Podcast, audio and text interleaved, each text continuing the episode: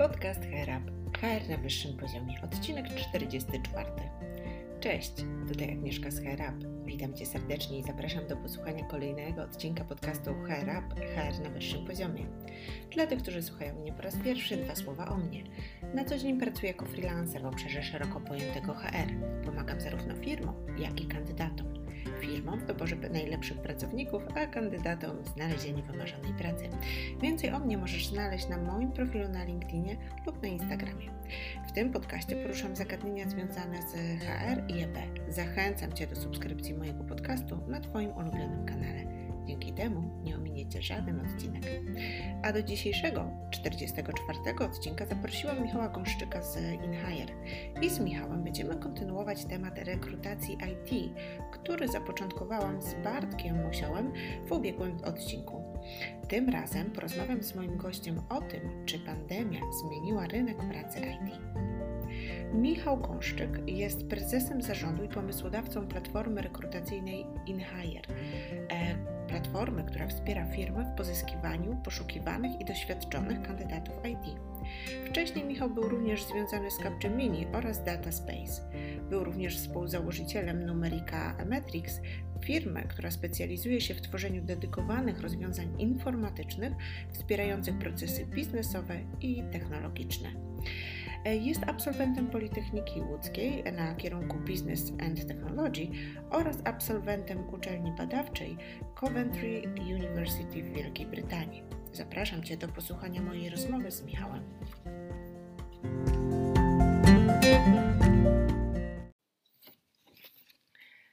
E, cześć Michale, witam Cię w podcaście HRUP. Cześć.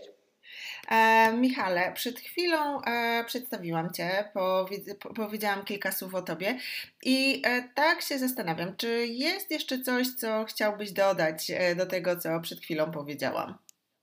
Nie, myślę, że nie. Myślę, że nam wyjdzie wszystko w trakcie rozmowy. Okej, okay, Cała prawda. Cała prawda, dokładnie. E, no właśnie, bo dzisiaj chciałabym e, z Tobą porozmawiać o rekrutacji w IT tak jak przeglądam e, różne strony, różne portale, blogi osób, e, które zajmują się właśnie rekrutacją, to widzę, że mimo pandemii jest to cały czas taki hot temat. No a e, Twoja firma, no i Ty, firma, której jesteś cofounderem, no wiecie na ten temat dosyć dużo. Niedawno opublikowaliście raport dotyczący rynku pracy IT. Chodzi o kwartał trzeci bieżącego roku i chciałam się Ciebie zapytać, jak e, oceniasz właśnie ten trzeci kwartał w perspektywie tego, że no jakby nie patrzeć, to COVID ma się całkiem dobrze cały czas? Tak, to, to, jest właśnie zabawne, że jak miał się bardzo słabo, to wszyscy panikowaliśmy, a teraz ma się bardzo dobrze i wygląda na to, że wszyscy wróciliśmy do, do życia biznesowo. Aha. Mm, wiesz co, warto chyba jest zaznaczyć, że my ten raport robimy co kwartał już e, trzeci czy czwarty raz e, i za każdym razem korzystamy z tych samych danych, czyli staramy się jakby, żeby on był jak najbardziej obiektywny, żeby cały czas ten input danych był ten sam, e, żeby jakby nie zaburzać tej, tej rzeczywistości. No i faktycznie dane za ostatni kwartał, nasz raport nazywa się IT Market Snapshot, czyli jak nazwa wskazuje, mm E, robimy snapshot rynku, czyli takie zdjęcie, czyli na dany dzień, czyli na koniec kwartału sobie analizujemy po prostu wszystkie oferty, jakie znaleźliśmy e, z sektora IT na e, portalach branżowych. Je jakby obrabiamy, agregujemy, czyścimy i na tej podstawie tworzymy ten nasz raport. No i co? No i ogólny wniosek jest taki, że chyba wszystko wróciło do normy. Mhm. Okej, okay, czyli e, jest to porównywalne e, z tego, co mówisz, e, sprzed marca 2020 roku sytuacja. Czy, czy tak możemy powiedzieć? Tak, zdecydowanie. Jakby największy, największy szok, i to też było widać w naszym raporcie za Q2 i też w trakcie jakby rozmów z klientami, jakby wszyscy mieliśmy wiosną. Teraz mhm. tak naprawdę te, te wszystkie wskaźniki, czyli zarówno e, ilość e, czy tam liczba firm, które publikują ogłoszenia, jak, jak i liczba ofert, które są publikowane, wróciła po prostu do, do poziomu z tego Q1 2020. A, no to taka dosyć pozytywna informacja, bo z tego wynika, że mm, ta ilość ofert, tak jak mówisz, e, jest e, zbliżona. E, zgadza się? Tak, dokładnie tak, mhm. dokładnie tak jest. Jak Okej, okay. no to dobrze. To wspomniałeś o tym, że bierzecie pod uwagę wszystkie portale branżowe, mm, przygotowując ten raport. To jakie oferty pracy obecnie są najbardziej atrakcyjne dla kandydatów IT. Co według Ciebie jest najważniejsze właśnie w tych ogłoszeniach, e, które mm, przeglądasz e, pod kątem kandydatów? Hmm, dobre pytanie. E, wiesz co? Wydaje mi się, że cały czas w Polsce tematem numer jeden są zarobki. Mhm. I cała reszta jakby punktów, których jest dość dużo, z mojej perspektywy jest dalej. Czyli przede wszystkim musisz publikować to, ile płacisz, bo jeżeli tego nie mhm. robisz, to jakby mega dużo zainteresowania kandydatów tracisz już jakby na samej górze tego lejka. Czyli kandydaci wolą widzieć y, nawet gorsze widełki, niż nie widzieć ich wcale, no bo jakby oni nie chcą się pisać na randkę w ciemno. Mhm. Tak, jakby tych ofert mają bardzo, bardzo dużo do wyboru, więc e, jakby jeżeli jestem, nie wiem, Javowcem i mam 70 ofert do wyboru z widełkami, e, no to po co jakby miałbym ryzykować e, wejście w interakcję z rekruterem czy z firmą, która jakby nie jest w stanie mi upfront powiedzieć, jakie oferuje widełki. Więc to jest jakby temat numer jeden. Temat numer dwa, który my zawsze jakby powtarzamy też naszym klientom, mm, to jest to, że nie musisz płacić wybitnie, chociaż to oczywiście zawsze pomaga, e, ale jak już nie płacisz wybitnie, e, to musisz płacić rynkowo po prostu, e, żeby zwrócić na siebie mhm. uwagę kandydatów. Jak już płacisz rynkowo, to potem wchodzimy tak naprawdę na całą masę innych czynników, które kandydaci biorą pod uwagę, które niestety cały czas są bardzo często pomijane w ogłoszeniach przez pracodawców. I to, to, to też nie jest jakby tajemnica, e, na co zwracają uwagę kandydaci. E, my z kolei e, wiem, że jakby jest cała masa badań na ten temat, takich deklaratywnych w Polsce. My tam za bardzo nie zwracamy na nie uwagi, my raczej patrzymy na takie trendy światowe, czyli co roku jest robiony ten survey na Stack Overflow, który pokazuje na co zwracają uwagę kandydaci IT przy jakby w kontekście zmiany pracy. E, no i to są jakby niezmiennie mm, takie rzeczy, które wpływają na ich rozwój. Czyli nad czym mhm. będę pracował, jak ja się w tej pracy rozwinę, z kim będę pracował, e, co ta firma mhm. oferuje e, i gdzie będę pracował. Tak? I to są takie jakby podstawowe mhm. rzeczy, które wydają się dość oczywiste, a niestety jakby cały czas sporo firm nie uwzględnia, nie uwzględnia tych wszystkich informacji w swoich ogłoszeniach. Mhm. No właśnie, to się pokrywa e, z tym, jak ja rozmawiam z kandydatami, mm, e, e, że mówią właśnie o tym, o czym Ty wspominasz, czyli zarobki oczywiście są na pierwszym miejscu, ale potem ta praca, na jakich projektach będą pracować, w jakim zespole konkretnie, ile jest seniorów, ile juniorów czy regularów, to jest dla nich mega, mega ważne z racji tego, że po prostu będą, wiedzą, czy będą mieli od kogo też uczyć się mm, nowych rzeczy. A jeszcze chciałam wrócić e, do wynagrodzenia, bo wspomniałeś, że to jest e, bardzo ważne dla kandydatów. Mm, powiedz mi, jak e, to wygląda z Twojej perspektywy? Czy to już jest takim standardem, że w ogłoszeniach coraz więcej firm podaje widełki wynagrodzeń, czy raczej tych firm jeszcze tak dużo nie ma? Obawiam się, że pomimo tego, co mówi się o naszej branży, to standardem jest coś wręcz odwrotnego, mhm. czyli E, bardzo dużo firm cały czas nie podaje widełek. Mhm. E, I teraz jakby trzeba sobie uzmysłowić, skąd się bierze ta statystyka. My jak robimy ten market snapshot, analizujemy po prostu siebie plus trzy czołowe jobboardy, na których są ogłoszenia IT. Pewnie żadną niespodzianką nie będzie dla nikogo, że cały czas jakby największym jobboardem w Polsce jest Pracuj.pl, mhm. które, które po prostu mają najwięcej ze wszystkich ogłoszeń w sektorze IT. I teraz to się okazuje, na samym pracuj.pl z tych ogłoszeń jakby wokoło IT 92% cały czas nie posiada wynagrodzeń. Mhm. E, I teraz przez to, że oni tych ogłoszeń mają bardzo dużo albo więcej niż pozostałe jobboardy, no to to pewnie też gdzieś tam zaburza całą tą globalną statystykę, no bo oczywiście są jobboardy jak No Fluff Jobs, e, gdzie te e, wynagrodzenia należy, czy tam trzeba wręcz podawać tak. i oni ci nie opublikują jakby ogłoszenia bez tego, więc jakby jak weźmiemy sobie pod uwagę wszystkie te liczby z, z tych naszych źródeł, to wychodzi na to, że ofert z wynagrodzeniami jest tylko 32%, e, mhm. co jakby jest dokładnie tym samym wynikiem, który był w poprzednim kwartale. Czyli tutaj za mhm. bardzo nic się nie zmienia. Okay. Czyli z mojej perspektywy generalnie jest tak, że jak jesteś dużym pracodawcą, który z różnych przyczyn nie może publikować, mhm. bo masz najprawdopodobniej nierówną siatkę płac, nie chcesz sobie robić w związku z tym problemów jakichś tam wewnętrznych, E, no to jakby żaden marketing albo żaden sprzedawca żadnego jobboardu cię do tego nie zmusi, bo po prostu nie możesz tego robić. A z naszych obserwacji też wynika, że często rekruterzy jakby w pełni mają jakby świadomość tego, że to by im pomogło.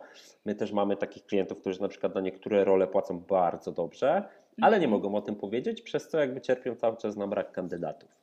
Mhm, czyli tak jakby to idzie w dwie strony. Nie tylko e, firmy, które e, słabiej płacą, nie publikują, ale też zdarzają się firmy, które nie mogą publikować, mimo że płacą e, dobrze.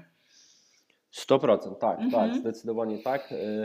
Wiem, mhm. że była u Ciebie niedawno Ula, mhm, tak. na obcasach i Ula chyba gdzieś kiedyś komentowała to i nawet nie u nas na raporcie, bo kiedyś też to komentowała, ale gdzieś w internecie, że jakby jak najbardziej poleca, poleca się publikowanie, ale dopiero wtedy, kiedy zrobiło, zrobiło się wcześniej porządek u siebie na podwórku.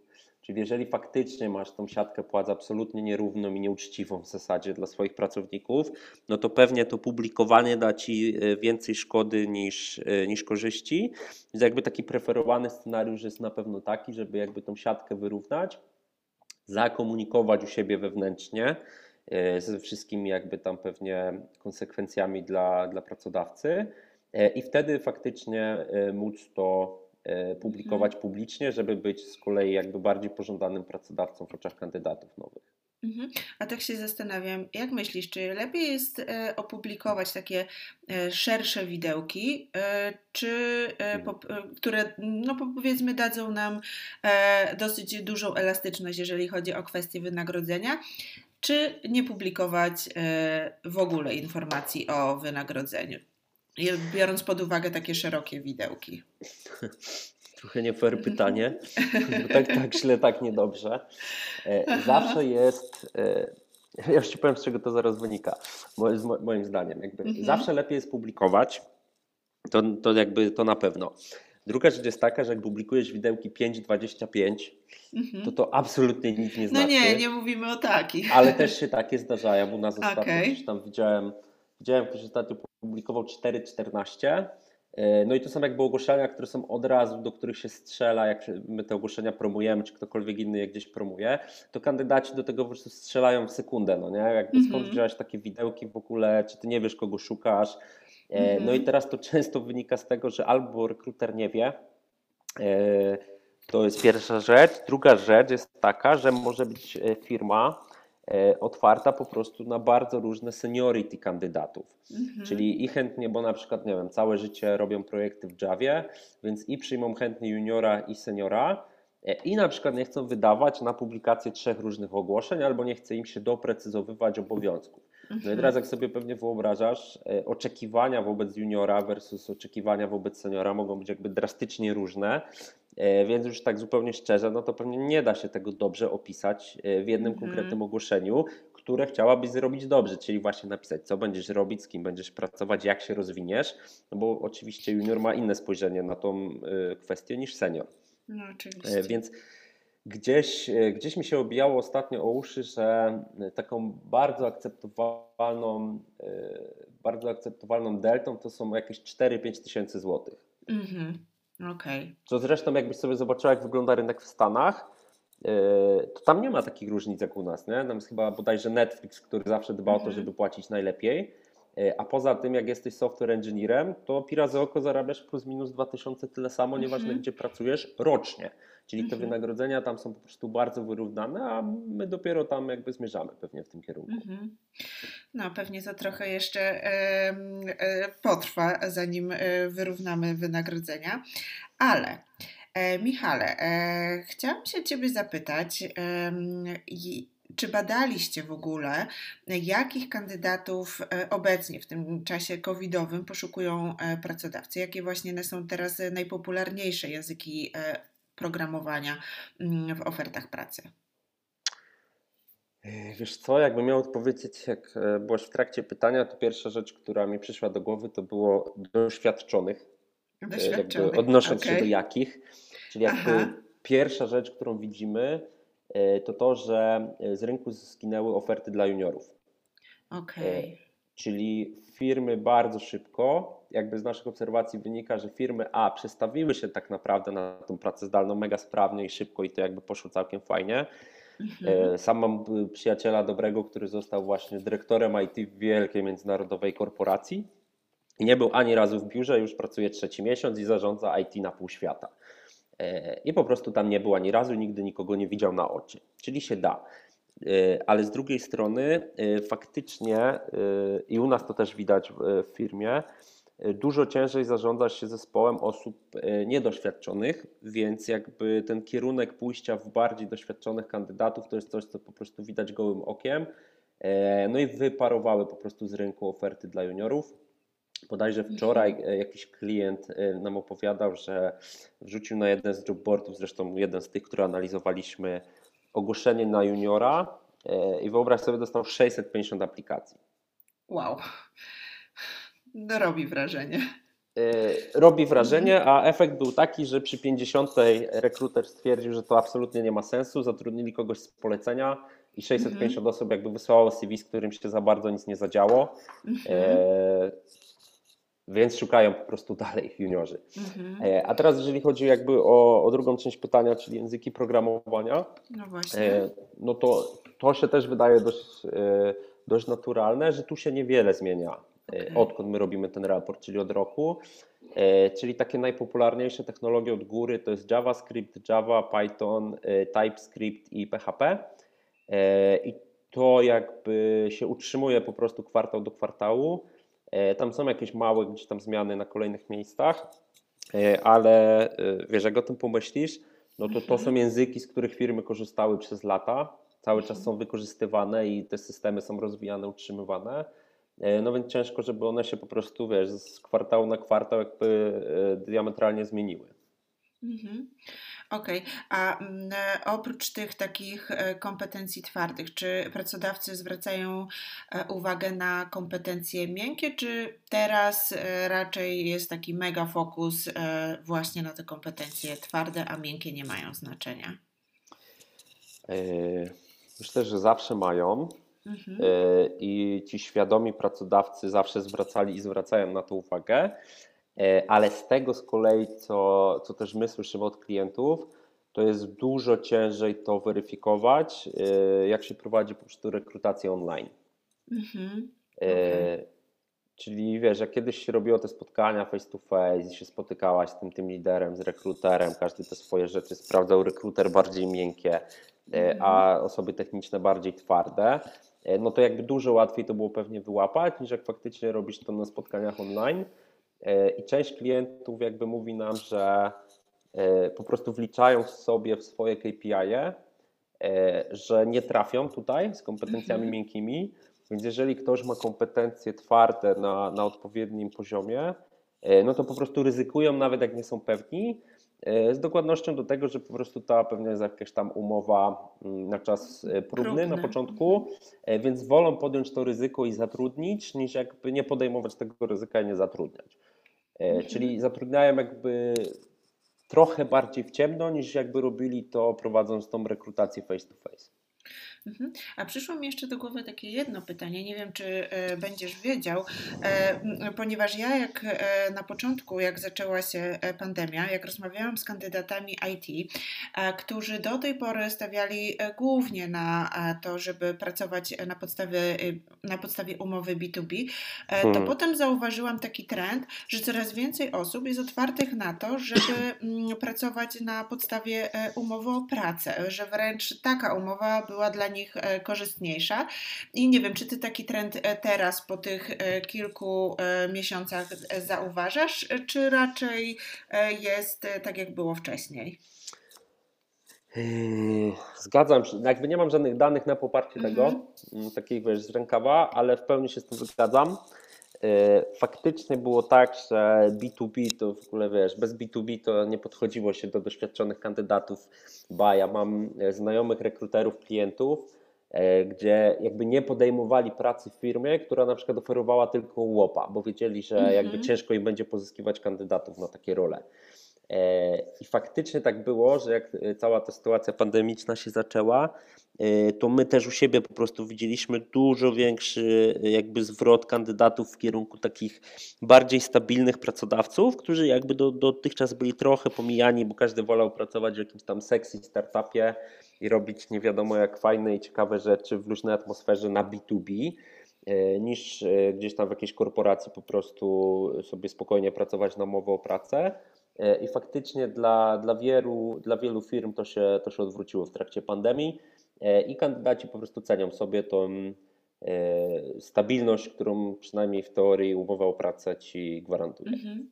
Okej, okay. to jeszcze chciałam wrócić do raportu, e, bo e, ciekawi mnie to, w jakich miastach zarabia się najwięcej. Czy e, masz takie dane, czy tak jak zwykle to do tej pory przynajmniej było, że Warszawa ma najlepsze stawki dla programistów, osób z obszaru technologicznego? Wiesz co, my to rozbijaliśmy na mm, umowę o pracę i B2B. Aha. Mamy taki, mamy taki graf, który gdzieś to zbija oba, obie te dane. E, I co dla mnie było zaskoczeniem, jak robiliśmy pierwszy raz ten raport, to że ok, e, na B2B faktycznie Warszawa od samego początku była na górze, potem było Trójmiasto, e, ale na umowie o pracę Kraków od zawsze rządził. Aha.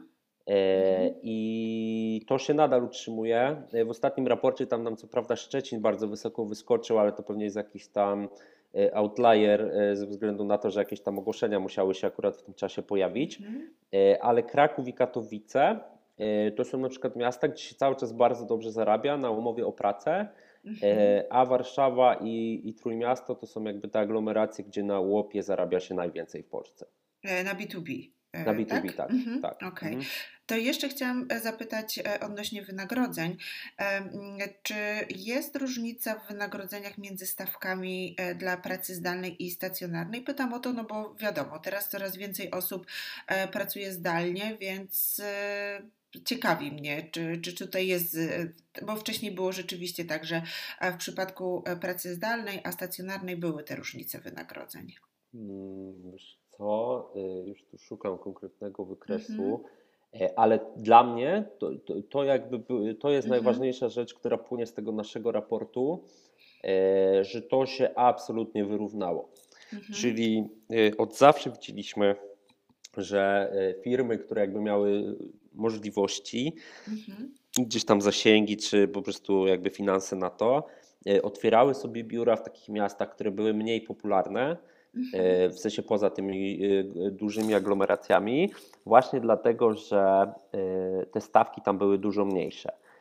I teraz jakby i ten remote miał kilka jakby odsłon, no nie? czyli jak jesteś firmą, nie wiem, z Krakowa, Warszawy, Katowic, i otwierasz sobie remote, to tak naprawdę dla części firm to oznaczało, mam biuro gdzieś w jakimś mieście, które ma 50 tysięcy mieszkańców, już nie chcę tu żadnymi nazwami miast rzucać, żeby tu broń Boże jakichś negatywnych konotacji nie robić w żadnym kierunku. Mhm.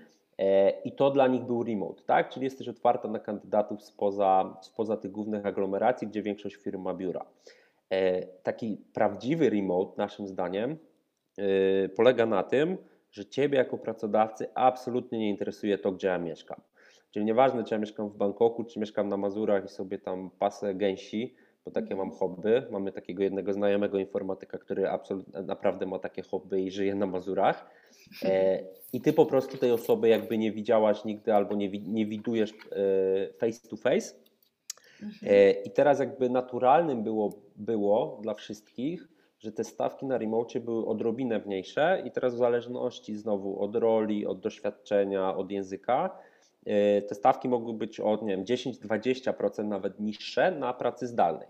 I to był jakby taki moim zdaniem niepisany kompromis, że ty żyjesz poza dużym miastem, masz mniejsze koszty życia, masz większy pewnie work-life balance, mniejsze korki, tańsze żłobki, przedszkola, etc. Więc naturalnym jest, że płacimy ci trochę mniej.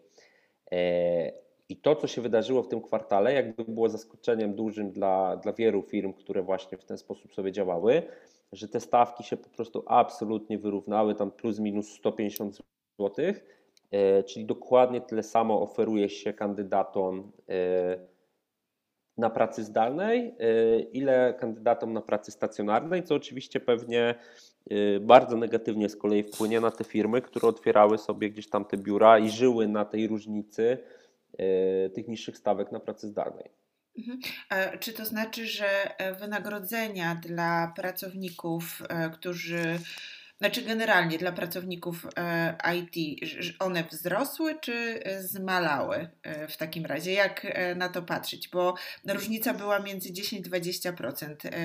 Jak to właśnie wygląda? Wiesz co, po prostu mhm. stawki pracy zdalnej poszły do góry. Aha, okej. Okay. Czyli, po prostu. Mhm. No bo teraz jak tak wyrzuciłaś, wiesz, całą firmę online, mhm. no i płacisz komuś, to nie wiem, 10-15 tysięcy, i szukasz kolejnej osoby i wiesz, że przez najbliższe 3 lata będziecie online albo dwa, albo nie wiesz Aha. ile, albo już masz na przykład zapowiedziane z góry, że tak będzie for life, mhm. bo też już są tacy pracodawcy, no to tak. po prostu się zaczynasz otwierać na szerszy jakby rynek kandydatów z innych miast, czy tam zewsząd. Mhm. E, no i po prostu im płacisz tyle samo, co, co kandydatom, czy tam pracownikom, których miałaś do tej pory u siebie w biurze. Mhm. Okej, okay, to ciekawe. Inna niż jest taka, że te, wiesz co, też jest dla mnie zabawne, że yy, firmy trochę śmiesznie podchodzą nieraz do tego, do tego tak naprawdę, do tej pracy zdalnej. Bo często jakby podają, że ok, praca zdalna, ale jak pandemia minie, to na wiosnę zapraszamy z powrotem do biura.